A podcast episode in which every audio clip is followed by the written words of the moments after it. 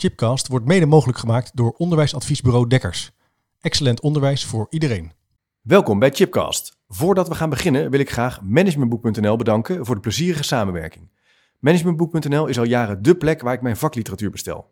En we zijn in het kader van Chipcast een leuke samenwerking gestart. Op www.managementboek.nl slash chipcast vind je een overzicht van de boeken die de revue passeren in de Chipcast afleveringen. Neem dus snel een kijkje op www.managementboek.nl slash chipcast. Welkom bij Chipcast, waar ik op zoek ga naar nieuwe antwoorden en verrassende inzichten naar vraagstukken die mij bezighouden. En vandaag in de studio is de gast Marita Eskes, senior adviseur taal en lezen bij Expertis Onderwijsadviseurs. En ze schreef het boek Technisch lezen in een doorlopende lijn, een handboek voor de basisschool. En in deze podcast staat de vraag centraal, hoe ziet goed leesonderwijs eruit in de dagelijkse praktijk? Welkom Marita. Dankjewel. Hartstikke leuk dat je bent. om hier te zijn. Ja, het is een uh, geweldig mooi boek geworden. Complimenten. Dank je. Niet alleen uh, inhoudelijk heel sterk uh, onderbouwd en uitgebreid, vol met praktijkvoorbeelden, maar ook met mooie plaatjes en illustraties. Zeker, ja. Ja, toen ik het zag dacht ik, hé, hey, dat, daar wil ik wel meer van weten. Dus daar gaan we over in gesprek. voor degenen die jou nog niet kennen, je hebt gewerkt als leerkracht, als leescoördinator. Klopt. Remedial teacher ben je ook geweest. Ja. in het basisonderwijs ben je eigenlijk nog steeds. Ben ik nog steeds, ja. ja. absoluut. En je helpt leerlingen om hun leesvaardigheid te vergroten en het plezier in lezen terug te vinden. En je bent nu dus inmiddels senior adviseur taal en lezen bij Expertis Onderwijsadviseurs. En nou, voor degenen die nu luisteren, Ivar en ik zitten in de studio. Uh, Ivar zit achter de camera. Uh, je zult merken dat wij ook af en toe plaatjes uh, en visuele ondersteuning gaan gebruiken. Dus als je alleen luistert, gaan we dat ook ja, uitleggen, zou je kunnen zeggen. Maar je kan ook naar YouTube gaan, dan kan je het ook beluisteren met beeld erbij. En de, de, plaatjes die we gebruiken, die zullen we ook even op chipcast.nl zetten. Um, nou, voordat we het boek in gaan duiken en het gaan hebben over leren lezen, wilde ik even, als je het goed vindt, een klein stukje voorlezen van het voorwoord. Door, uh, ja, door Kees Vernooy, uh, ja, vakgenoot hè? Zeker, ja. Veel van hem geleerd, dus blij dat hij mijn voorbeeld wilde schrijven. Ja, ik ja. even een stukje, met name in het begin. Hij schrijft het volgende. Het belang van vloeiend lezen onder de loep. Vloeiend lezen krijgt niet altijd de aandacht die het nodig heeft. Terwijl het een van de belangrijkste pijlers is voor begrijpend lezen. Onvoldoende geautomatiseerd kunnen technisch uh, onvoldoende geautomatiseerd kunnen technisch lezen, ik denk dan aan de zogenoemde spellende lezers, is vaak de oorzaak van slecht begrijpend lezen. Deze kinderen lezen vooral op woordniveau en kunnen daardoor hun aandacht niet voldoende op de inhoud van een tekst richten. En bovendien is volgens Chal, dat is een bron, vlot technisch lezen een voorwaarde om leerlingen zelfstandig hun woordenschat te laten uitbreiden. Het laatste punt wat hij hierover zegt. Er wordt dikwijls vergeten dat slecht technisch lezen meestal een voorspeller is voor slecht begrijpend lezen. Of schoon technisch lezen slechts één van de onderliggende vaardigheden voor begrijpend lezen is, is het een kritische component. component. Je kunt decoderen wat je niet kunt lezen, maar je kunt niet begrijpen wat je niet kunt decoderen. Juist. Wauw, ja. Dus dat, dat, laat, dat onderbouwt wel even waarom het belangrijk is om... Nou ja, Kinderen het, goed te leren lezen. Ja, precies. Ja. En daar gaan we het over hebben. Um, voordat we er echt in gaan duiken... Ja, je, je hebt echt wel je werk gemaakt van lezen. En van kinderen het plezier van lezen bijbrengen. Maar ook echt de inhoud en didactiek. Mm -hmm. Hoe, hoe, hoe is dat zo gekomen? Wist je dat vroeger al? Van daar wil ik me op richten? Of is dat als het ware misschien geleidelijk? Ja, gegaan? mooie vraag. Nou, um, ik wist wel altijd al dat ik graag het onderwijs in wilde. Dat was altijd al mijn droom. Um, en dat heb ik ook met heel veel plezier gedaan. Ik heb acht jaar voor de klas gestaan in het basisonderwijs. Um, en ik dacht altijd, ik ben echt een bovenbouwleerkracht. Uh, met name gezien ik de leerlingen daar ook erg leuk vind, de interacties en de nou, toch wat iets andere gesprekken die je dan hebt. Ja. Uh, in vergelijking met, met kinderen in de middenbouw. Maar toen kwam ik in groep drie te werken en ja, dan moet je je, vond ik, vond ik ook mijn taak, goed verdiepen in, ja, maar hoe leer ik die kinderen goed lezen? En tegelijkertijd met dat ik in groep 3 begon te werken, um, startte ik een uh, master. Master SEN heette dat toen nog, nu Master N officieel. Educational Needs. Um, ja. En ik heb me daar eigenlijk compleet verdiept in alles rondom echt didactiek en leren. En ook heel veel modules rondom lezen gevolgd. En ik merkte dat er zoveel meer over te leren viel. Uh, zoveel dingen waren die ik nog niet wist. En uh, nou, ik denk dat dat wel heeft gemaakt dat ik daar enorm uh, ben in gaan duiken. En ja. op het moment dat je dan dat ook gaat toepassen in je klas en je ziet dat kinderen groeien in groep drie, dan ja, ben je continu aan het reflecteren. Doe ik het goed? hey, ik lees nu dit, ga ik dat toepassen? En je bent continu zelflerend, maar wil het ook zo goed mogelijk doen voor, voor die kinderen. Bij een soort vliegwiel. Je, je past het toe in de praktijk, je ja. ziet dat het werkt, dan wil je er weer meer van weten. Ja. En zo ja, word je langzamerhand ook wel een soort expert eigenlijk. Ja. Hè? ja. En toen werd ik dat uiteindelijk een beetje ook in de school. Ik werd leescoördinator. Ja. Um, en wilde inzetten op natuurlijk leesplezier, motivatie, uh, überhaupt aandacht voor lezen. Ook ouders daarbij betrekken, maar ook wel echt op de inhoudskant. Ja. Dat is überhaupt iets wat mij wel altijd al heeft gefascineerd. Hoe geef je een goede les? Hoe trek ik die kinderen erbij? Hoe zorg ik dat ze optimaal leren? ja, en toen merkte ik geleidelijk aan ehm, ja, dat, dat toen ik ook bij experts ging werken, dat er heel veel leerkrachten zijn die dezelfde vragen hebben als die ik mezelf ooit heb gesteld. Ja.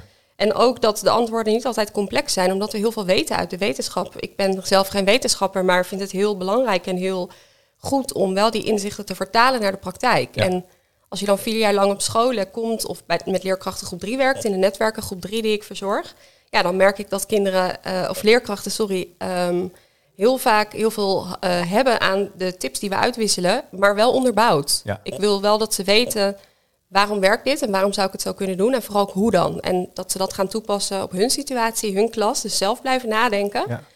En ja, als je dat dan een aantal jaren doet, denk je, ja, misschien moet ik dat toch eens gaan bundelen en gaan opschrijven. ja, dat heb je gedaan. Ja. Ja, Dus, het, is, dus het, het gebruiken van praktische wetenschappelijke kennis, hè, of wetenschappelijke kennis praktisch maken, dat met vakgenoten bespreken is een belangrijke manier om ook eh, te verbeteren en het beter te doen. Mhm. En toevallig hebben we daar een paar afleveringen geleden met Gert Verbrugge ook over gesproken. Dat is dan een docent Engels in het VO. ja, Eh, ja, het krijgt steeds meer aandacht gelukkig. Hè. Die wetenschap die is heel bruikbaar. Het is natuurlijk niet een soort eh ijzeren discipline. Eh, Precies. je, je moet het niet eh, zo van, ah ja, dan A, dan B. Maar ja, we weten heel veel. En dat is Mhm. natuurlijk ook fijn en eh, interessant om te gebruiken. ja, absoluut. Eh, voor degenen die luisteren en denken, het is geen gesponsorde podcast, zeg het maar even. Ik vind het gewoon een leuk boek en ik vind eh, het werk wat Marita doet interessant. Dus vandaar dat ik jou daarvoor heb gevraagd. Ehm, nou, la- laten we maar eens even induiken. En ik denk toch om even te starten bij ja, onderwijskundige probleemanalyse. Mhm.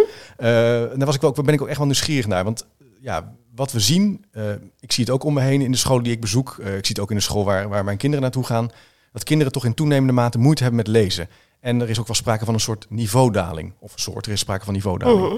Wat zie jij? Wat is er aan de hand? Goeie vraag. Ehm, wat zie ik? Nou, ik denk dat er een aantal dingen zijn die eh, opvallen. Waaronder ehm, het, het belang van geletterdheid. Daar komt gelukkig weer steeds meer aandacht voor. Het belang van goed kunnen lezen. Ehm, maar als je het belang ervan erkent, dan is het natuurlijk ook belangrijk dat je het voldoende prioriteit geeft op school. En dat er voldoende tijd is om te lezen en om het kinderen goed te leren. Ehm, ik denk dat de factor tijd, maar ook het stukje prioriteit, ehm, twee zaken zijn die meer aandacht kunnen krijgen. Eh, over het algemeen. Er zijn natuurlijk wel scholen die, eh, die die focus daar wel op leggen. En je ziet ook wel gelijk dat het dan ook effect heeft. Ja. Dat ehm, die twee zaken helpen. Dus daar heb je ja, veel voor nodig. Daar gaan we straks ongetwijfeld nog over hebben. Ja. Om die prioriteit schoolbreed natuurlijk eh, te creëren. Maar ik zie bijvoorbeeld ook wel dat leerkrachten soms zoekende zijn. Hoe geef ik die leeslessen optimaal vorm? En ik denk dat ehm, nou, er soms best wel wat meer vakinhoudelijke kennis en didactische kennis ook nodig is om het kinderen goed te leren. Ja. Ehm, dus ik hoop natuurlijk dat het boek daar iets, een stukje aan kan bijdragen. Maar ik denk dat dat wel belangrijke zaken zijn waarom we de, ehm, ja, de leesniveaus of resultaten wat zien dalen. Er komt heel veel op het bordje van de leerkracht terecht. Ja. En het is soms best wel heel erg lastig in zoeken van hoe geef ik dat vorm in mijn klassenmanagement, in mijn weekrooster. En ik, ik, ik moet voor mijn gevoel zoveel. En hoe kan ik nu samen met mijn schoolleider zorgen dat we de, de juiste dingen doen in Ja. de beperkte tijd die er is. ja, je moet natuurlijk kiezen. Hè. Dat- Er is ook wel een neiging in het onderwijs om veel erbij te doen. Hè. Dus, eh, bewegen, eh, sport, eh, Mhm. Ja. theater, individuele leerbehoeftes. Precies. Nou ja, je ja. kan het allemaal opstapelen. Maar ja, fietsen. nou ja, er is, is voor mij een lijstje gemaakt een keer op Twitter. De, de lijst is echt wel heel ja, groot. die is heel lang. Ja. is heel lang. Maar je zegt ook, het gaat ook over tijd en prioriteit. Goed Mhm. kiezen en, en doen wat werkt. En Precies. jij- jij zei in het begin van het gesprek ook over, ja, het gaat ook over het plezier in lezen weer terugvinden hè, bij kinderen. En daarbij helpen. Je hoort ook wel eens van, ja, eh, ik zag het een keer volgens mij eh, in het nieuws van, ja, kinderen vinden lezen nou eenmaal niet leuk. Zo, klaar. Mhm. Discussie, eh, einde discussie. Ja. Hoe kijk jij daar dan naar? Als, dat- want dat hoor je ook wel van, ja, het is niet meer van deze tijd, Ja. lezen. ja, dat is een heel goede vraag. Ehm, het zou kunnen natuurlijk dat kinderen dat niet leuk vinden. De Nederlandse leerlingen ehm, zijn niet de meest gemotiveerde lezers. Ik krijg vaak bij bijeenkomsten de vraag van leerkrachten, maar komt dat door concurrentie van een iPad, computerspelletjes, games? Maar die eh, concurrerende items zijn er ook in andere landen om ons heen. En toch zijn kinderen daar soms meer gemotiveerd dan in Nederland. Ah. Ehm, als we kijken naar de wetenschappelijke inzichten, dan leidt eigenlijk motivatie, of dat ontstaat vooral als je goed kunt lezen. Ehm, dus ja, die motivatie, dat is een item. Ik Ja. wil het liefst ook dat elk kind liefde voor boeken ontwikkelt natuurlijk. Maar als ik kijk naar maatschappelijk belang, vind ik het vooral belangrijk dat ze kunnen lezen. En ik kan niet voor kinderen bepalen of voor jongvolwassenen dat lezen hun hobby wordt. Dat zou ik iedereen gunnen. Ik hoop dat. Maar dat lukt me niet. Maar ik kan wel eh, of nee, niet ik, maar we kunnen er in Nederland met elkaar wel voor zorgen dat leerlingen het in elk geval goed kunnen. Ehm, dat is nodig om maatschappelijk eh, te kunnen meedraaien. En dan niet alleen op school, maar ook eh, later op werk en ook in je sociale omgeving. Ja. En de discussie van we kunnen alles opzoeken, moet je nog kunnen lezen, lezen.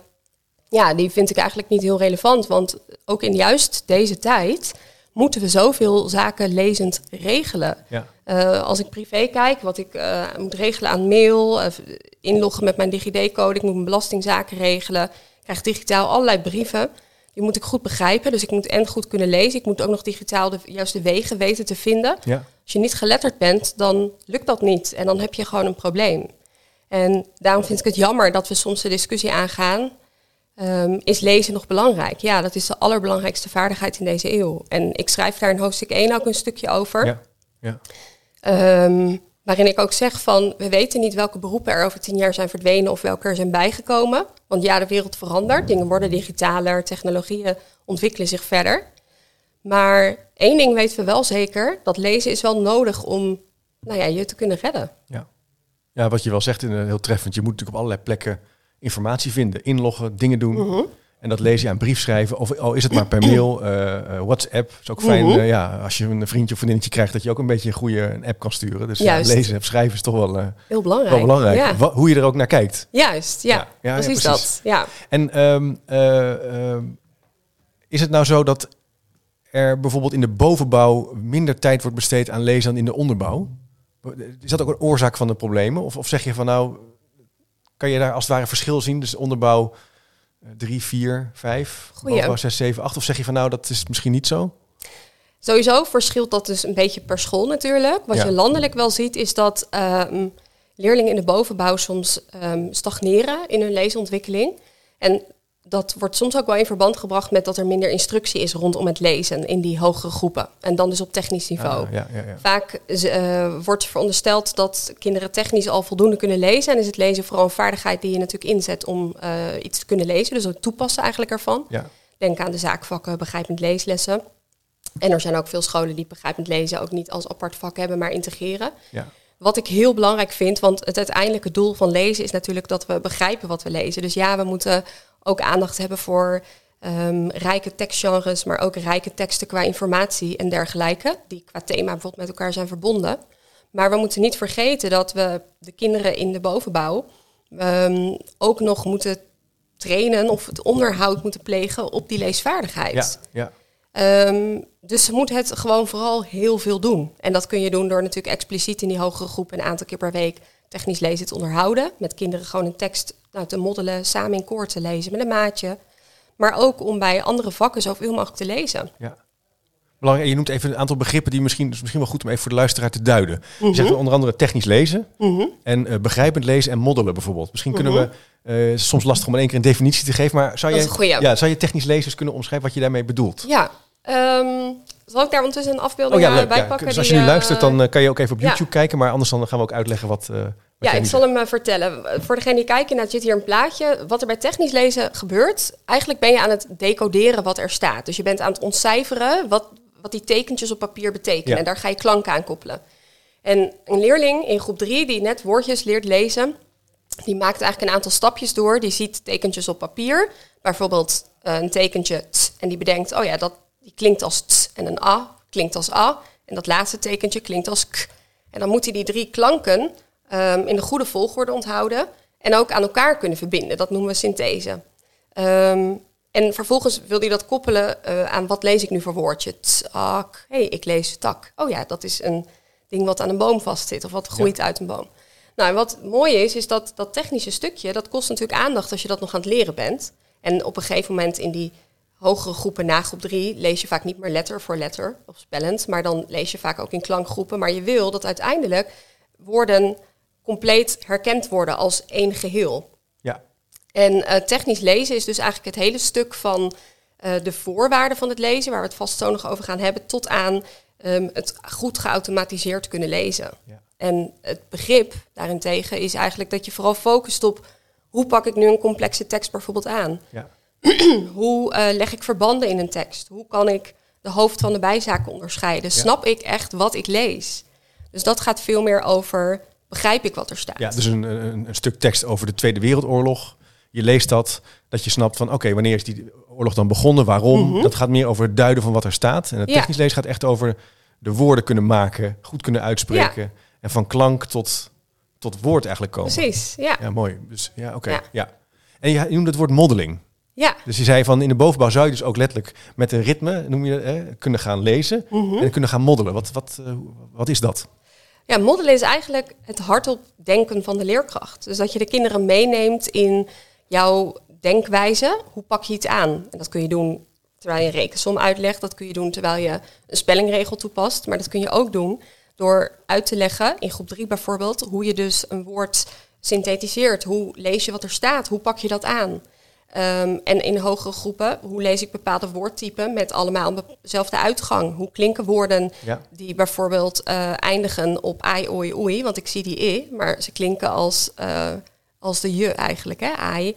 Of hoe lees ik nu woorden ehm, die we als leenwoorden gebruiken, bijvoorbeeld hè, uit Ja. Engeland of Ja. Frankrijk.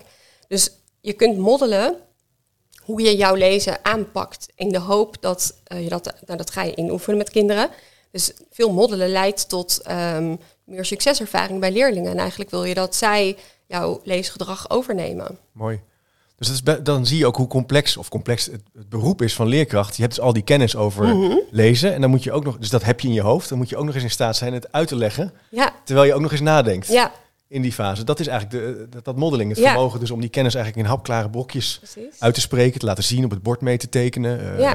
nou ja, wat je ervoor voor gebruikt. Al hardop voordoen, hardop kinderen voordoen. meenemen. Dat begeleid inoefenen ook. Hè. Ehm, luisteraars zullen ook misschien dat grimmodel wel kennen. Dus de stapjes ik, wij, jullie, jij. Eh, dat is ook heel belangrijk, want we kunnen natuurlijk honderd keer iets moddelen. Maar als kinderen nooit hoeven te oefenen met het lezen, dan worden ze niet een goede lezer. Dus dat hele proces van didactisch handelen, dat vind ik ook zo interessant. Je kunt heel veel weten van lezen en toch nog niet een heel sterke leesles geven. Ehm, want dat didactisch handelen, dat staat er nooit los van. Vind ik ook als je een expert bent in spelling of rekenen. Didactiek hangt in mijn ogen als een soort kapstok erboven van welk gereedschap werkt Ja, ja. nu het beste voor deze klas bij deze les. En dat betekent ook effectief omgaan met je lestijd. Zorgen dat ze allemaal actief lezen. En, en weten hoe je leerstof ehm, geleidelijk aan die kinderen overdraagt. En Ja. zorgt dat zij succeservaringen opdoen. Ja, het hangt ook nog eens af van het onderwijsconcept waar je natuurlijk ook werkt. Hè. Een Montessori-school is weer anders dan misschien een eh, wat klassiekere school. Mhm. Dat, dat heeft ook nog eens invloed. Ja, Oké, maar dat is wel, dat geeft ons wat kapstokjes al hoe we kunnen Ja, kijken eigenlijk naar, eh, naar leren lezen. En dus ook eigenlijk de probleemanalyse waar we eigenlijk mee, mee starten. Mhm. Ehm, eh, het zijn, jij zei, het zijn landelijke problemen, maar de verschillen zijn wel groot. Eh, is het nou zo dat er in, in, in steden het meer speelt dan eh, zeg maar in landelijke gebieden? Dat is een beetje oenige vraag, maar daar ben ik dan wel nieuwsgierig naar. Ja, snap ik. Nou, als je kijkt naar ehm laaggeletterdheid landelijk, zeg maar, maar dan heb je het eigenlijk over de volwassenen. Want bij kinderen spreek je nog niet van laaggeletterden. Dan zie je dat er wel wat regionale verschillen zijn. Stichting Lezen en Schrijven bijvoorbeeld werkt dat heel mooi uit. Dan kun je ook bekijken hoe dat ervoor staat. Ehm, op schoolniveau ehm, zou je kunnen zeggen dat wanneer je met bijvoorbeeld meer een populatie leerlingen werkt, ehm, waar kinderen met een andere thuistaal naar school komen, Ja. dat het wellicht wat lastiger is. En dan met name ehm, omdat ze bijvoorbeeld over nog niet zo heel veel Nederlandse woordenschat beschikken. Ehm, en daardoor ook in het Nederlands taalsysteem eh, klankbewustzijn kunnen rijmen, eindklank of beginklank herkennen, dat dat moeilijker is. Dus ja, dat, dat vraagt een bepaalde expertise natuurlijk als leerkracht. Maar het is niet per se zo dat je dan de opdracht om kinderen goed technisch te kunnen leren lezen niet kunt uitvoeren. Want ehm, je hebt die verantwoordelijkheid. Ehm, en we zien gelukkig dat er ook heel veel scholen zijn die met een populatie werkt, werken zoals ik net schetste. En die leerkrachten op scholen zijn prima in staat om hun kinderen goed te leren Ja. lezen. Ja, Dus die doen blijkbaar heel goede dingen. Precies. En soms zie je ook, de inspectie constateerde dat bijvoorbeeld ook, dat er scholen zijn die in eenzelfde wijk staan, met een vergelijkbare populatie leerlingen werken. Ja. En waarbij dan toch de ene school ehm, nou ja, hogere leesopbrengsten of opbrengst in het algemeen eh, kan realiseren dan de andere school die daarnaast staat. Dus ja, er zijn wel verschillen. Ja, scherp uitgelegd. Ja, ik vind het altijd een lastige redenering van, ja, deze populatie is heel lastig. Mhm. Dat hoor je wel. Het is hier moeilijk om, eh, om dit te doen. Dan denk ik, ja, er zit, zit er nou iets in het water? Ik denk het niet. Ja. En helemaal deze uitleg van die verschillende scholen in een vergelijkbare plek. Mhm. Eh, ja, oké. Dus dat geeft al wel wat inzicht, ja. Hey, en ehm, ehm, je hebt al even gehad over dat technisch lezen en, en ook vloeiend lezen. Ja, Kan je daar iets over zeggen? Wanneer, wanneer kan je vloeiend lezen? ja. Je merkt al bij de introductie, ik maak ook nog wel eens een, een verhakkeling, of hoe noem ik dat? Maar misschien kan ik wel vloeiend lezen. Maar hoe weet je bij kinderen wanneer ze vloeiend kunnen lezen? Nou, dat hoor je natuurlijk vooral. Ja. Ik, eh, ik laat bij deze weer even een eh, Ja, ja. illustratie zien uit mijn boek. Ehm, als we kijken naar literatuur, dan wordt onder vloeiend lezen worden er drie dingen verstaan. Namelijk accuraat kunnen lezen, dat, dat is ook wel gewoon correct kunnen lezen, dus zonder fouten.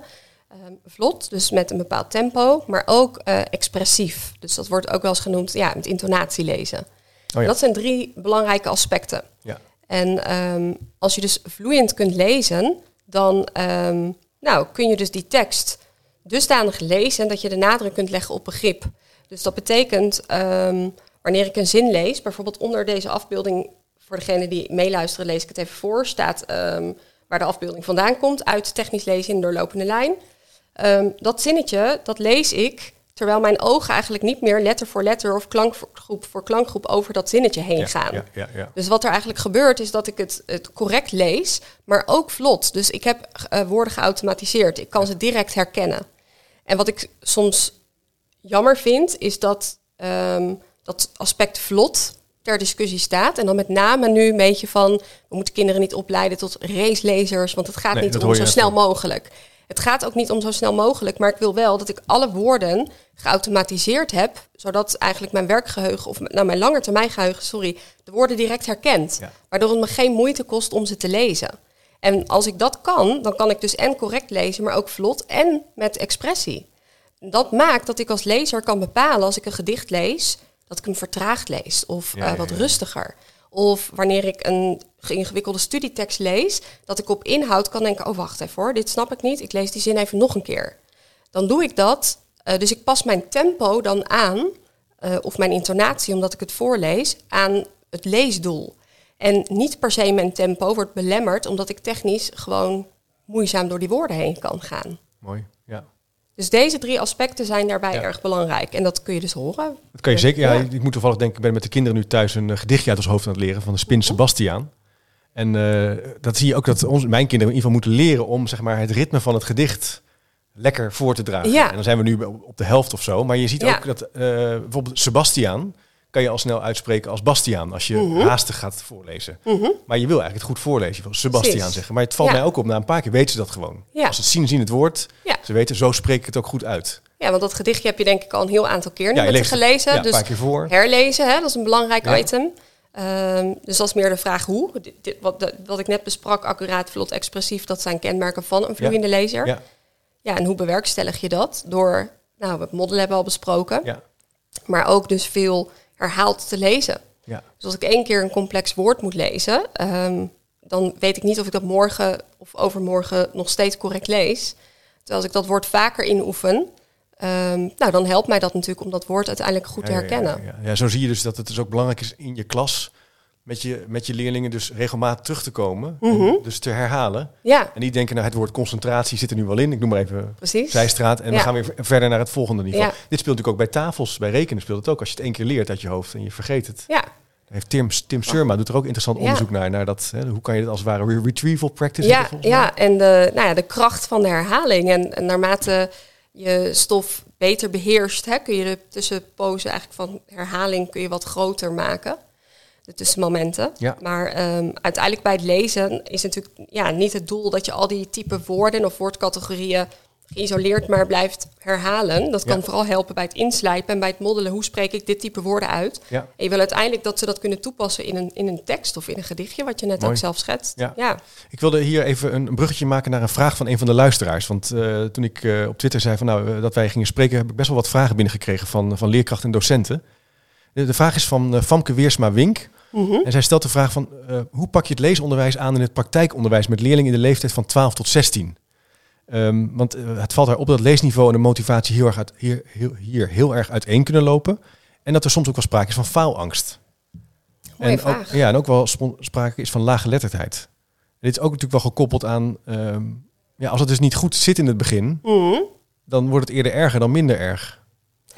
Even in mijn eigen woorden, maar Ja, want de primaire taak van de vakdocenten ehm, en docenten op het praktijkonderwijs is natuurlijk om de vakkennis over te dragen. En nog een heleboel andere taken hebben zij. Maar Ja. het, het lezen in principe is niet de hoofdtaak. Nee. Het leren lezen, laat ik het zo zeggen. nee, nee, nee. ehm, van eh, de docenten op het praktijkonderwijs. Dus eh, wat voor hen heel lastig is, is dat je eigenlijk hoopt dat de kinderen met een goede geletterde basis hè, bij hen eh, terechtkomen. Ja. Dat geldt voor elke docent in het VO die hoopt dat de leerling eh, daar goed terechtkomt wat betreft lezen. Ja. Als dat niet zo is, dan ehm, ja, ik kan, ik kan gissen naar de oorzaken, dat heeft natuurlijk geen zin. Maar wat denk ik vooral helpt, is om ook daar het lezen te integreren in het onderwijs. Dus je kunt bij wijze van spreken je vak ehm, uitleggen en wellicht ehm, teksten voorlezen bijvoorbeeld. Ja, Ja. ik zou kijken van welk vak geef ik, of dat nou techniek is of iets anders. Kan ik zorgen dat ik de teksten die daarbij horen, of dat nou instructies zijn, stukjes uitleg of informatieve inhoudelijke stukken tekst die ze moeten kennen bijvoorbeeld. Ehm, kennisoverdracht zou ik met de kinderen lezen. Mooi. Dus ehm, ja. m- lees ook zo'n tekst eens voor. Neem even tien minuten van, van die les om die tekst voor te lezen. Ehm, en lees hem dan eens met kinderen samen. Of zeg eens eventjes, eh, als je een, een groep vol hebt van met een schoudermaatje. Lees die tekst nu eens mooi met intonatie, maar ook vooral correct aan elkaar voor. En dan loop ik eens rond om even mee te luisteren. En dan benoem ook dat belang van... ehm, ik doe dit niet om jullie te plagen. In plaats van techniek ga voor dan lezen. Maar zonder lezen ook geen techniek. Want je wil later zelf dat vak kunnen uitvoeren of toepassen. En daar zul je ook eh, instructieteksten of inhoudelijke Ja. nou, beschrijvingen tegenkomen voor je werk. En die moet je ook kunnen lezen. En misschien moet je daar wel collega's iets over vertellen. Dus ehm, het belang, denk ik, van lezen. Veel met ze oefenen. Waar mogelijk echt lezen.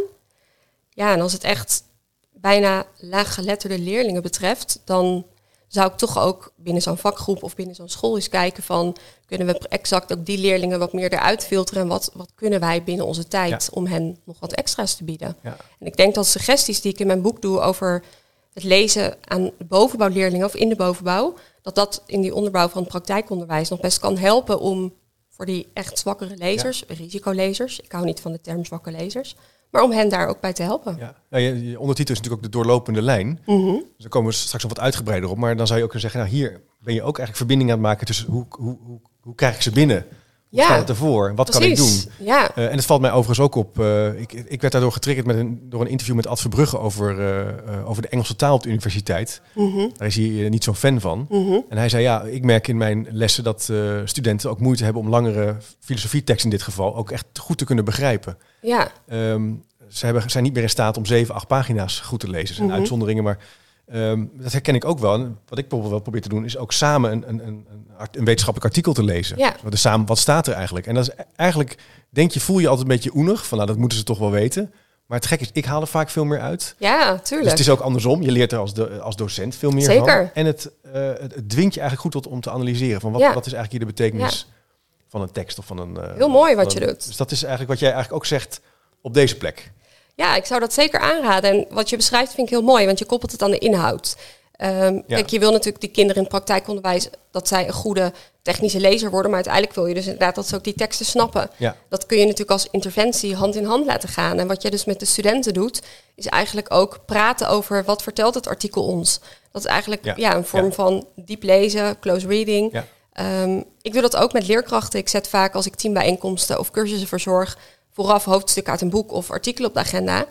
En ehm, door er met elkaar over in gesprek te gaan, heb je natuurlijk ook een beetje een, een, eh, een zetje dat je het echt gaat lezen en gaat voorbereiden. Ik bedoel, Zo werkt het wel. gewoon. Ja, ja. Eh, dat geldt voor mij ook als ik weet dat ik iets gelezen moet hebben, omdat ik er met collega's over in gesprek ga. Dan ruim je daar sowieso tijd eh, voor in. Maar wat mooi is, is als je dan over die inhoud in gesprek gaat, dan ga je eigenlijk die tekst beter begrijpen. Ja. Want ik krijg Ja. een kijkje in, in jouw hoofd van, hé, hey, maar wat voor associaties had jij bij dat artikel?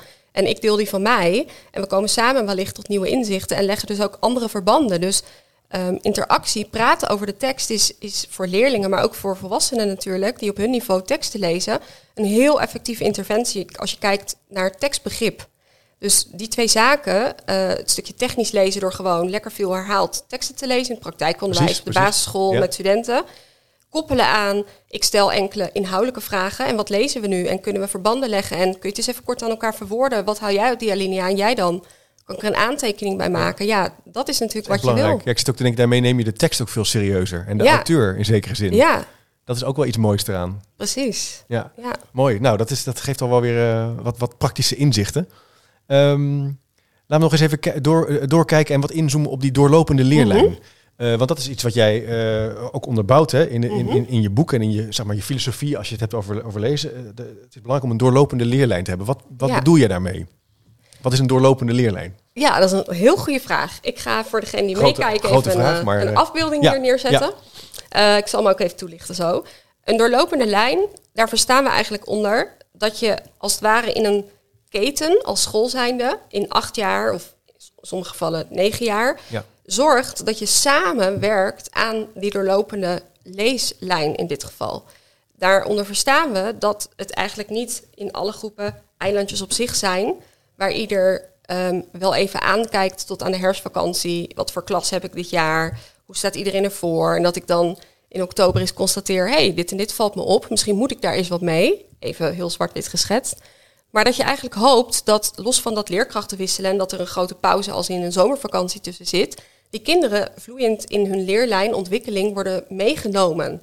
En dat vraagt dus om vakmanschap. En je weet voor jouw leerjaar, hoop je, ehm, van dit zijn de bijvoorbeeld leesmoeilijkheden die ik mijn kinderen moet leren, maar ook rekeninhouden, spelling, andere vakgebieden. Welke kennis moet ik ze aanbieden bij de zaakvakken? Maar dan is natuurlijk ook de vraag, wil dat zeggen dat ik dat standaard over al die kinderen moet uitstorten? Of weet ik al van de vorige leerkracht, in het geval van lezen, van nou, die leerlingen bijvoorbeeld ehm, hebben hier nog moeite mee. Of dat Ja. is een enorm radende lezer, bijvoorbeeld van drie naar vier. Of die leerlingen die willen vaak zo snel, lezen slordig, die hebben baat bij bepaalde feedback. Als je dat weet en je weet ook welke kinderen een leesachterstand hebben, dan kun je natuurlijk jouw aanbod na de zomer daar direct op, ehm, ja, op inrichten eigenlijk. Ja, om die ja. kinderen ehm, te bieden wat ze nodig hebben. En doorlopende li- lijn, ik heb bewust ook niet gekozen voor leerlijn, maar lijn, vraagt denk ik om dus goede overdracht. En niet alleen van 2 naar 3, die is wel e- heel erg belangrijk, maar ook van 3, 4, maar ook van 6, 7 en 8. Allemaal. En ook schoolbreed dus zicht hebben op elkaars doelen, globaal. Wat leren kinderen nu in 1, 2? En waarom is dat belangrijk om te weten als leerkracht in een groep 8? Als je samen de doelen kent, dus de inhoudelijke doelen, kun je ook samen in een doorlopende lijn opbrengstdoelen opstellen. Ja. Ehm, en daardoor samen hoge verwachtingen hebben. En dus je onderwijs er zo op inrichten dat je in elk geval allemaal ontzettend je best doet om aan die verwachtingen en die doelen tegemoet te komen. Ja. Ja, mooi. Dus dat, zien we hier ook een beetje. Ja, dit plaatje eh, geeft dat ook, eh, in, eh, legt dat ook eigenlijk uit, maar dan beeldend. Ja, Ehm, dus dat kalibreren is eigenlijk heel wezenlijk. Hè? Ja, dat, dat je dus met elkaar Mhm. samenkomt als team, nadenkt, kijkt, leerlingen bespreekt, de klas bespreekt. En dat niet, ja, ook ja, zoals Anna Bosman het eerder zei, het moet je niet overkomen als Juist. leerkracht. Je moet eigenlijk al voor zijn. ja, En dan zie je ook hoe dat is complex. Het kost ook tijd, kan me voorstellen. Dat, dat doe je Ja. niet even in een half uurtje. Misschien Nee. na verloop van tijd wel, maar in het begin moet je er echt in investeren ook, hè, in zekere zin. klopt. Ja, het, het vraagt om, om inhoudelijke kennis van die leerlijn. Ehm, het vraagt om goede afstemming, dus met collega's. Dus inderdaad het gesprek met elkaar is Ja. natuurlijk erg belangrijk.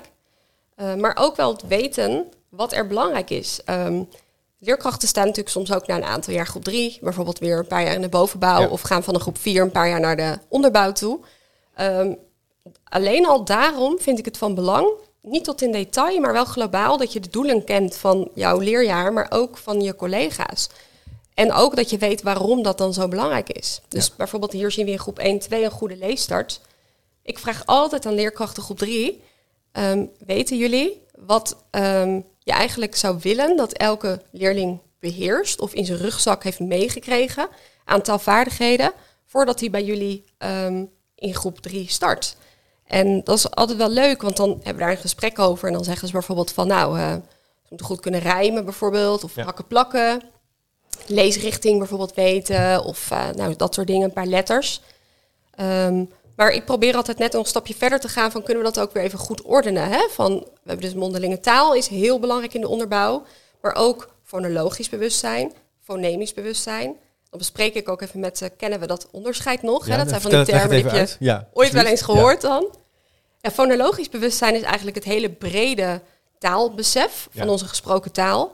Dus bijvoorbeeld als ik een zin heb, ehm, ik wandel in het bos, dat ik als leerling snap dat ik woorden heb, ik wandel, ook al is dat een langer woord, één woord, in het bos. Maar ook kunnen rijmen, een versje kunnen onthouden of opzeggen. Terwijl fonemisch bewustzijn gaat echt over ehm, de kleinste eenheden van onze gesproken taal. En dat zijn losse klanken. Dus geen woorden, maar echt losse klanken. Dus bijvoorbeeld als ik het woord heb boom, dat ik weet dat ik dat kan verdelen in b, o, hm. Of ehm, boom, als ik de eh, laatste letter verander in de n, dan hoor ik boon. Of als ik ehm, nou bijvoorbeeld ehm, het woord heb gehakt, welke klank hoor ik nou in het midden of aan het einde?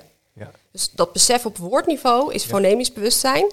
En dat fonologische is veel breder. En dat kun je vaak al met je hele groep, ook leerlingen in groep 1, oppakken. Versjes, uh, rijmen en dergelijke. Terwijl dat fonemisch bewustzijn is vaak iets wat je echt in groep 2 wat meer centraal stelt. En waarvan je ook eigenlijk wil dat, of hoopt en wenst voor de leerlingen, dat ze dat goed hebben ontwikkeld eind groep 2. Fijn dat je het even zo uitlegt. Klinkt dan uh, wel uh, overzichtelijk, hè? Ja, ja. ja. ja. Oké, dus dat, uh, dat geeft dan wel wat, wat, wat inzicht in die, in die doorlopende lijn. Mm -hmm. Je zegt niet doorlopende leerlijn. Mm -hmm. ik weet niet, ik, ja, doorlopende lijn, dat staat ook, ook in de ondertitel.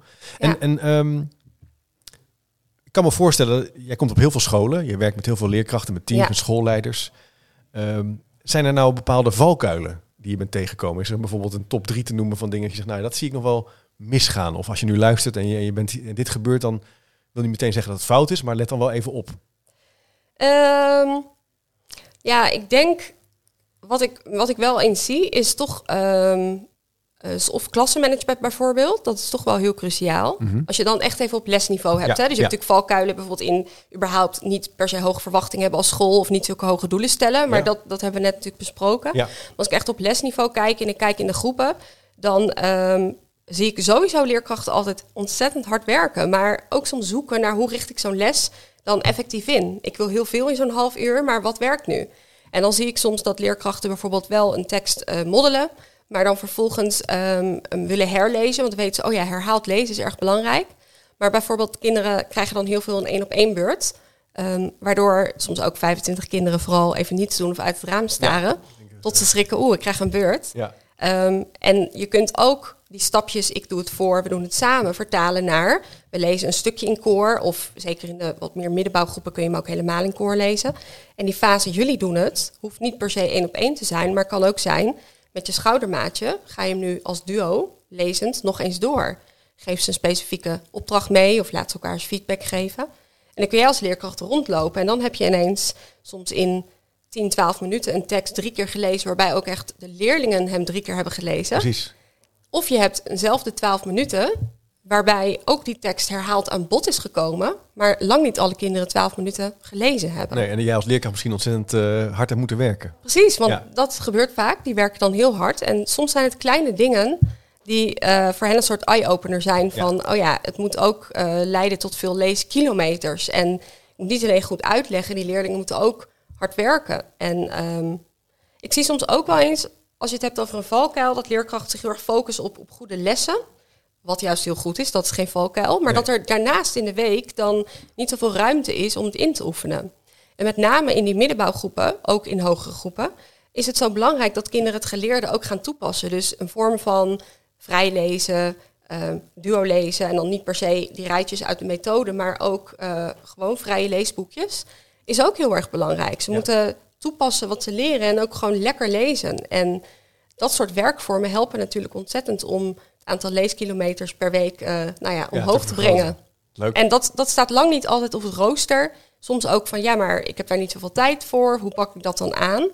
Maar met alleen een goede les kom je er niet. Je nee. moet ook voldoende tijd in Voor het inoefenen, voor het lezen en plezier in lezen. Ja. is natuurlijk ook een, ja. een boek kunnen uitkiezen in de biep. -hmm. En dan gewoon lekker even uh, een boek lezen wat jij leuk vindt. Of waar je Precies. nieuwsgierig naar bent. Ja. Dan maak je ook kilometer. En dan pas je een grote kans dat je dan ook toepast wat je hebt geleerd. Als het goed is je hebt wel. er ook een checklist overigens voor. Die nam je mee, die is heel leuk. Die zal ja. ik even op de website zetten. Ja. Tips bij het uitkiezen van een, van een boek. Ja, ik heb en... hem hier ook op de laatste dia. Oh, de laatste dia. even misschien... door, dan ja. staat hij ook in beeld. Ja. Dus dan heb je de vijf vingerregel, hè?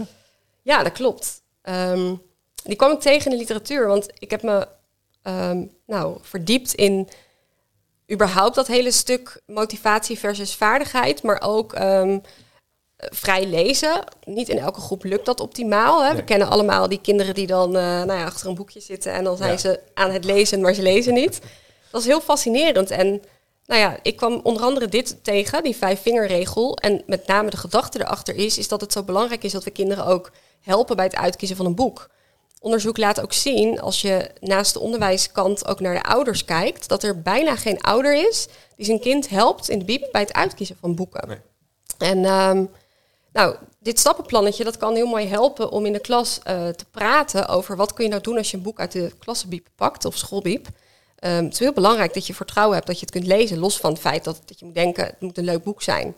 Het mag best, als je daar super gemotiveerd voor bent, een beetje moeilijk zijn. Maar als je het gewoon echt onmogelijk kunt lezen, dan is dat wellicht beter een boek wat jouw ouder of, of, of oppas of de leerkracht of een Ja. tutor eens kan voorlezen aan jou. Of wat je misschien op een later moment nog eens leest. Maar dat is een hele belangrijke. Dus vandaar eh, de tips bij het uitkiezen Ja, van boek. ik, ik herken het wel. Hoe, het is ontzettend belangrijk, ook met mijn kinderen, eh, om ze te, ja, ik weet toch, dat onze oudste die pakt dan een boek, Het Oneindige Verhaal, de Never Mhm. Ending Story, dat wilde hij heel graag. Maar dat is eigenlijk, hij is eh, negen, dat is nog net te moeilijk voor hem om te Mhm. lezen. Te lang en best wel kleine lettertjes en dat lees ik hem nu voor. Ja, Maar dan hoort hij daarvan. ehm, het is eigenlijk ook de kunst om hem te helpen naar een boek wat net een beetje zit op de grens. ja, precies. Ehm, in de bibliotheek of als hij een keer een Mhm. boek mag uitkiezen. En dat is eigenlijk voor een leerkracht ook belangrijk om dat een beetje te weten als je, als je mee kan gaan. ja, Ik heb daar nog wel een vraag over. dingen, ja. eh, ehm, want daar was, daar was ook een vraag, eh, werd daarover gesteld ehm, door een van de luisteraars. Renske Bloem, leerkracht van de basisschool. Die heeft al eerder een vraag gesteld. Dus die eh, trouwe luisteraar, hartstikke leuk. En die zegt het volgende. Veel gemeentes hebben geldgebrek. En die moeten op veel sociale voorzieningen gaan bezuinigen. En dus ook op de bibliotheek. Dat is ook wel iets wat je ziet. Hè? De bibliotheken die zich opnieuw moeten uitvinden. Soms Mhm. zelfs wel. Naar, naar, nou ja, goed. En zegt van, nou, het is toch wel belangrijk dat die leerlingen die bibliotheek kunnen gebruiken. En hoe, hoe organiseer je dat nou? Heb je daar voorbeelden van gezien die goed werken? Heb je daar nog tips voor? mooie Eh, vraag. Ja, Ja, het is, een, het is belangrijk item, hè, die Ja, bibliotheken. toch wel. Ja. Je gunt het elk kind eh, dat hij mm, door een ouder of verzorger wordt meegenomen hè, naar een bibliotheek. Ja. Ehm, op school kun je natuurlijk proberen actief de eh, contacten met de bibliotheek op te zoeken en te onderhouden. Ja. En vaak is er op school een lees- of taalcoördinator. Maar in bibliotheek heb je vaak ook leesconsulenten die iets kunnen betekenen voor de scholen. Ehm, ja, dat komt, de piep komt niet vanzelf de school ingewijd, zeg ik altijd maar. Dus Nee. het is belangrijk om die contacten natuurlijk eh, op te zoeken. En dan te verkennen welke mogelijkheden er zijn. Ja. En ehm, leesconsulenten kunnen bijvoorbeeld ook helpen met ehm, een boekaanbod. Hè, van hoe creëer je nou een rijke schoolbiep. Maar vaak ook eh, boeken bij bepaalde thema's bijvoorbeeld aandragen. En boeken naar de school toe brengen, letterlijk. Ja.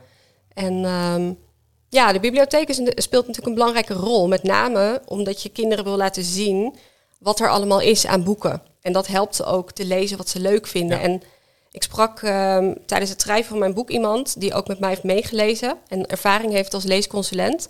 En zij gaf ook aan hoe belangrijk het is dat naast de boeken uit eventueel een schoolbiep eh, of de bibliotheek, dat ook de boeken in de schoolbibliotheek ehm, zichtbaar moeten zijn en toch ook enigszins actueel. En toen vroeg ik haar van, maar hoe zit dat dan met bepaalde klassiekers? Want ik wil dat ook de Roald Dahl boeken in de schoolbiep Ja, staan, ja. al zijn die misschien heel lang geleden geschreven. Toen zei ze, nou, waar het vooral om gaat, is dat je de kans dat een kind een boek pakt en dat hij daar plezier aan beleeft of succes bij ervaart, die kans wil je zo groot mogelijk maken. En Ja. de schoolbibliotheken waar bij wijze van alles door elkaar ligt, vergeeld is, half verscheurd is, de kaften loszitten.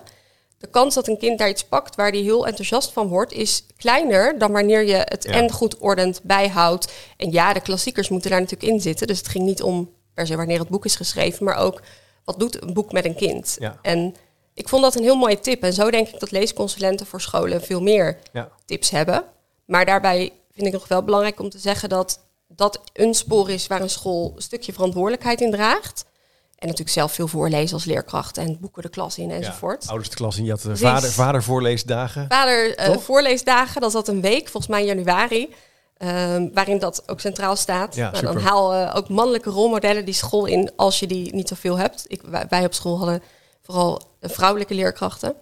Maar vooral leer ze goed lezen. Die twee Ja. zijsporen. Ja, dat, dat, dat Die moet je allebei eh, Ja. bewandelen. Ik Ja. denk aan onze school, daar hebben we altijd een boekenfeest elk jaar. En dan eh, is er een soort feest. En dan nemen alle ouders eh, iets lekkers mee om te, eh, om, om te verkopen. Dan kan je dan Mhm. voor 50 cent een cakeje kopen en zo. Ja. En je kan boeken kopen. En dan, daarmee geef, eh, verkoopt de school de boeken die ze, waarvan ze zegt... nou, die zijn wat ons betreft eh, klaar voor dit jaar. Of die Mhm. zijn zo vaak gelezen. De Mhm. kinderen doen dat ook. En met dat geld kopen we weer nieuwe boeken. Wauw, En mooi. dan kan je toch met 180 leerlingen, in dit geval 200... eh, hadden we toch eh, 800 euro haal je dan op. Wauw, En dan kan je zeer veel boeken van daar kopen. kun je heel wat boeken van kopen. En vaak ja. heeft de bibliotheek, dat is ook nog een tip. Bibliotheken hebben ook nog wel acties. Hè? Die zeggen nou dan, eh, die hebben van een, een stapel boeken die ze over hebben Ja. of eh, die nog wel leuk zijn om te lezen. Ehm, en ik weet ook wel dat, dat, boek, dat bibliotheken ook wel naar scholen toe komen. Hè? Dat er een Mhm. soort samenwerkingsrelaties zijn dat ze dan elke week of elke twee weken een wat jij al zei, een boeken, ja, een soort eh, twintig boeken komen brengen met een thema Precies. of zo. Dus er Ja. is wel wat te organiseren. Ja, Maar het vraagt wel aandacht. Het, is, het gebeurt niet vanzelf. zeker aandacht. Het gebeurt niet vanzelf. Nee. Ja, ja. Dus dat even op basis van de vraag van, van Rens. En hebben we al best wel veel besproken, hè, merk je zo, over het, eh, over het leren lezen. Eh, het punt waar jij het ook over hebt in, in, in het boek, is, dat vind ik ook interessant, is dat je, het is niet een, een, een solo onderwerp dat lezen. Het is eigenlijk ook verbonden aan het team, aan de Mhm. visie die je hebt, de opvatting over goed onderwijs en aan het, eigenlijk het onderwijskundig leiderschap. ja Wat er ook is of wat je wil versterken. precies. Eh, zou je daar iets over kunnen zeggen? Hoe kijk je naar de rol van de, van de onderwijskundig leider? Ja, die is, die is heel eh, belangrijk, die, die schoolleider. Ehm, en ik heb in mijn boek in, ook uiteengezet dat onder onderwijskundig leiderschap ehm, we niet alleen de schoolleider verstaan, maar ook anderen die een, een rol hebben, bijvoorbeeld zo'n leescoördinator of een intern begeleider. Een soort informeel leider. Ehm, en, en dat je dus met elkaar vooral verantwoordelijk wil zijn voor de onderwijsinhoud. Dat, dat kenmerkt een onderwijskundige schoolleider. Ehm, en die zich ook verantwoordelijk voelt voor het leren van alle leerlingen. Want die schoolleider is daar eindverantwoordelijk voor. Ehm, belangrijk is denk ik dat zo'n schoolleider dus ook enigszins kennis heeft van wat kinderen moeten leren. En dat hoeft niet tot in detail, maar je moet er wel weet van hebben. Ehm, een schoolleider is namelijk ook de persoon die vaak in de groepen observeert, iets wil zeggen over de kwaliteit van het handelen van een leerkracht of de kwaliteit van een les. Dan moet je ook enigszins weten waar je die Ja. kwaliteit op kunt baseren. Hè? Ja, Wa- ja. Wanneer is een les goed? ja. Dus belangrijk is dat je dus kennis hebt van wat effectieve aanpakken. In dit geval wat werkt bij lezen, wat maakt een leesles effectief. Maar ook kennis moet hebben van hoe staan onze leerlingen er dan op school eigenlijk voor. Dus het belang van een goede data-analyse. Ehm, schoolbreed daarnaar kunnen kijken en ook patronen kunnen herkennen en durven te bespreken. Dingen bespreekbaar maken is heel belangrijk. ja. Ehm, En met data-analyse bedoel je dan... eh. Eh, ja, dus implementatie. Maar bij data-analyse nog even terug te pakken, dan bedoel je, ehm, ja, dat zouden kunnen zijn de CITO-score bijvoorbeeld. Denk dan meteen aan kwantitatief. Zou dat- kunnen. Dat, zou kunnen. Zou kunnen, ja, maar zeker. het kan ook zijn dat je met elkaar gewoon reflecteert op, op de resultaten van een, van een jaar. Eh, en dat uitwisselt. Zeg van, nou, dit is wat we eigenlijk zien. Ja, zeker. met IB'er bijvoorbeeld. Dat is ook data-analyse. Ja, Ja, dus dat je ja. kijkt uh, wat levert het leesonderwijs ons op en zijn we daar tevreden mee? Ja. En dat kun je pas um, beoordelen als je ook schoolbreed doelen hebt vastgesteld. Ja. Dus ik zeg altijd, je hebt leerlingdoelen. Ik gun het elk kind in groep 4 dat hij bewijs van AVE 4 beheerst. Je hebt groepsdoelen. Bijvoorbeeld, ik wil dat 90% van mijn groep AVE 4 beheerst. Dat, daar werk ik naartoe. Als dat percentage vele malen lager ligt, dan vraag ik me af of ik er bijvoorbeeld voldoende tijd aan heb besteed. Maar je hebt ook schooldoelen. Bijvoorbeeld, wij willen dat alle kinderen tenminste 1F behalen, oftewel AVE Ja. 6. Ja. Maar dat is eigenlijk nog niet per se voldoende om in deze huidige maatschappij mee te kunnen. Dus wellicht spreek je ook af dat ehm 80 of 90 procent AV Plus moet behalen. En spreek je ook af wat je doet als kinderen halverwege die weg ergens dat doel niet behalen. Ja. En als schoolleider moet je daar dus op kunnen monitoren en ook op kunnen anticiperen met elkaar. Glashelder. Ja, en dan implementeren. Want daar komen natuurlijk verbeteracties uit. Precies, Het ja. best zijn ja, dat je zegt van ja, die, uh, die lesobservatie, uh, ik heb dat nu drie Mhm. keer gedaan. Ik zie eigenlijk een aantal dingen. Het inuoefenen of het modeling, ja, dat kunnen we denk ik nog wel verbeteren. Dat zijn dan interventies die je kan gaan uitzetten als schoolleider. Scholing zou daar een rol in kunnen spelen, denk ik. Ja, scholing kan. Um, soms heb je een mooi leerteam binnen de school die bijvoorbeeld Ja. zich gaat verdiepen in literatuur en dingen wil oppakken teambreed. Ja. Nou, dan is het wel fijn dat schoolleider er bij zo'n mooi proces betrokken is. Um, samen de groep ingaan, um, feedback geven aan elkaar, aan leerkrachten. En als schoolleider kun je ook mooi kijken in uh, teambrede doelen, zeg maar. Um, bijvoorbeeld, we willen met elkaar uh, nou, didactisch handelen van lessen versterken of meer leeskilometers of meer aandacht. De schoolbiep is een item voor ons. Dit willen we dit jaar bijvoorbeeld op Ja. orde brengen. Ja. En daarnaast kun je ook um, uh, leerkrachtdoelen opstellen met de leerkracht. Het liefst vanuit de leerkracht zelf, naar aanleiding van observatie of Ja, een mooi Een nagesprek. soort ver- verbeterplan. Dat je zegt, nou, Ja. voor het aankomend jaar ga ik me nu richten Dit op... zijn mijn twee punten. Ja, ik ga daar misschien een cursus voor volgen. Ja. Of, uh, ja, dus dit, dit zegt ook wel... nog, uh, uh, oh ja, in de tussentijd kan jij misschien nog een plaatje erbij zoeken. ja. zegt ook wel iets over die onderwijskundig leider. Dat hij dus ook aanwezig is en meedoet in dit soort verbeterprocessen. Wat je toch wel veel ziet is... En dat, heeft, dat is ook een beetje gekomen door de zelfsturende teams. ik laat het een beetje over aan de teams. Hè. Ik stuur op de Mhm. randvoorwaarden. Ja, meestal is dat eh, toch een, vind ik een vorm van onvermogen. Je moet toch meedoen. Dat onderbouw, jij, onderbouw ja. jij wel in ieder geval. Van, ja, ik vind het belangrijk, maar dat baseer ik ook mede op wat we daarover uh, terugvinden in literatuur. De rol van die onderwij onderwijskundig leider is enorm belangrijk. En ehm, ja, hier zie je bijvoorbeeld uh, twee voorbeeldjes van die leerkrachtdoelen. Ja.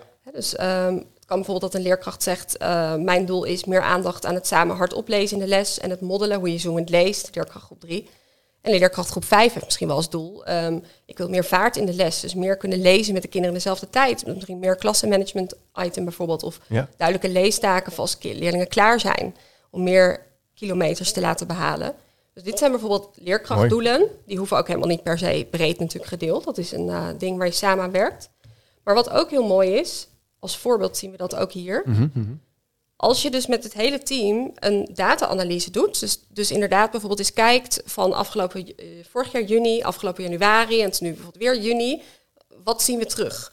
Dan eh, kun je het hebben over de opbrengsten, maar veel belangrijker natuurlijk nog, je gaf het net al even aan, het hoe daarna. Ja, ja. En ehm, het is heel mooi als je leerkrachten kunt laten nadenken over wat ga ik nu doen, bijvoorbeeld komende periode, komend half jaar met mijn hele groep. Wat ga ik doen met eh, risicolezers of risicokleuters? En wat ga ik doen om nog extra intensief een aanbod voor hen neer te zetten? Nou, ehm, dat kun je heel simpel doen, voor degenen die ook meekijken, in een, schemaatje waarin je dus leerkrachten voor een half jaar actiepuntjes even voor zichzelf laat noteren. Dit zijn, eh, hoe zeg je dat, groepsbreed mijn puntjes. Dit Ja. zijn voor risicolezers mijn puntjes. En dat doe ik nog als extra intensief aanbod. Hier zie je dat voor een leerkrachtgroep 1-2, maar dat kun je iedereen laten invullen. En ik hoor soms leerkrachten zeggen van ja, maar wat ik dus groepsbreed doe, dat is logisch, want ik heb die en die leesmethode, dus, dus dat volg ik. En toch, dat vind ik nou juist het mooie van onderwijs, is altijd dat vakmanschap van die leerkracht bepalend. Want als ik een jaar heb waarin mijn leerlingen met een leesachterstand of een groot deel van de groep binnenkomt, dan ga ik misschien ehm, in dat groepsaanbod, naast die goede lessen, al preventief elke dag een kwartiertje extra automatiseren. Of elke week Ja. drie rijke teksten nog selecteren. Terwijl als ik een groep heb die al als zeer goede lezers in mijn groep 7 binnenkomen, dan heb ik ook dingen die ik ga doen in het basisaanbod, want ik wil dat onderhouden. Maar als ik weet dat dit jaar de focus misschien ook meer ligt op het automatiseren bij het rekenen, dan is dat misschien ook een speerpunt waarin ik iets extra's wil doen. Dus het is altijd Mooi. een soort toffe Ja. puzzel. ja. Wat Het is ook een hele, de puzzel is ook expliciet. Je bent ook in gesprek over het hoe. Het, je hoort ook wel soms zeggen van ja, dat hoe laat ik over aan de leerkracht. Dat, dat maakt mij dan niet zoveel uit. Maar eigenlijk zeg, vind ik, tenminste dat is wel mijn interpretatie. Je bent juist in gesprek ook over hoe ga je dit aanpakken. Ja, Het, is, eh, het verbeterbord kan daar een rol bij spelen. Mhm. dat, daar moet ik even aan denken. Maar het blijft niet vaag. Van, eh, het is een heel concreet actieplan. Mhm. Ook die leerdoelen die je daarvoor liet zien. En dat maakt het ook natuurlijk. Dan wordt het ook eh, aantrekkelijk en Mhm. te doen. Terwijl als je het vaag houdt en abstract, ja, dan eh, dat nodigt niet uit om aan de slag te gaan. nee, Nee. klopt. Nee, nou, dat is eh, mooie, mooie voorbeelden zo om, eh, om hiermee aan de slag te gaan. Ehm, we hadden het natuurlijk even over die onderwijskundig leider. Hè, we- Mhm. over die verbeterinitiatieven, over die data-analyse, over de implementatie. Hè, dat gaat eigenlijk hier over. En leerkrachten actief laten nadenken over een aanpak. Hè, dus dat vakmanschap eigenlijk centraal stellen. Precies, ja. Eh, hoe ga je nou de, de voortgang bewaken? Ja, dat is een goede. Dat is ook belangrijk. Ja, als leerkracht door je leerlingen geregeld te monitoren. Ja. Dat betekent natuurlijk ze horen lezen. Laat dat voorop staan. Maar ook om eh, de ontwikkeling te volgen door bijvoorbeeld ehm, nou, te gebruik te maken van AVI of DMT-toetsen. Of wanneer je met een methode werkt, ook daar methodetoetsen voor in te zetten. Ehm, Ja. En wat vooral belangrijk is, is dat je je altijd afvraagt waarom toets ik iets. Hè? Dus niet omdat het eh, op de planning staat, maar wat wil ik er dan mee? Dus ook daar komt weer bij kijken dat handelen na zo'n monitorinstrument of na zo'n toetsmoment. En ehm, ehm, wat je dus schoolbreed kunt doen, waarbij je als schoolleider dus de, nou, de lead kunt nemen door, door data-analyse te doen, vind ik het ook belangrijk dat leerkrachten leren hun data te interpreteren. Zowel wat hoor ik als ik de kinderen le- eh, hoor lezen, Ehm, wat kan ik daarmee in mijn handelen? Ja. En ook als ik dan toch geregeld nou, feedback krijg eigenlijk over mijn leerkracht handelen doordat ik leestoetsen afneem, dan, dan kan ik daar ook naar handelen. Ja, Dus dat monitoren, ja. toetsen is wel een belangrijk echt aspect. wel cruciaal. Ja. En ehm, jij, jij schreef ook, sla het jonge kind niet over. Ja, Wat bedoel je daar precies mee? Jij kan denken, jonge kinderen, mhm. vier, vijf, nog jonger?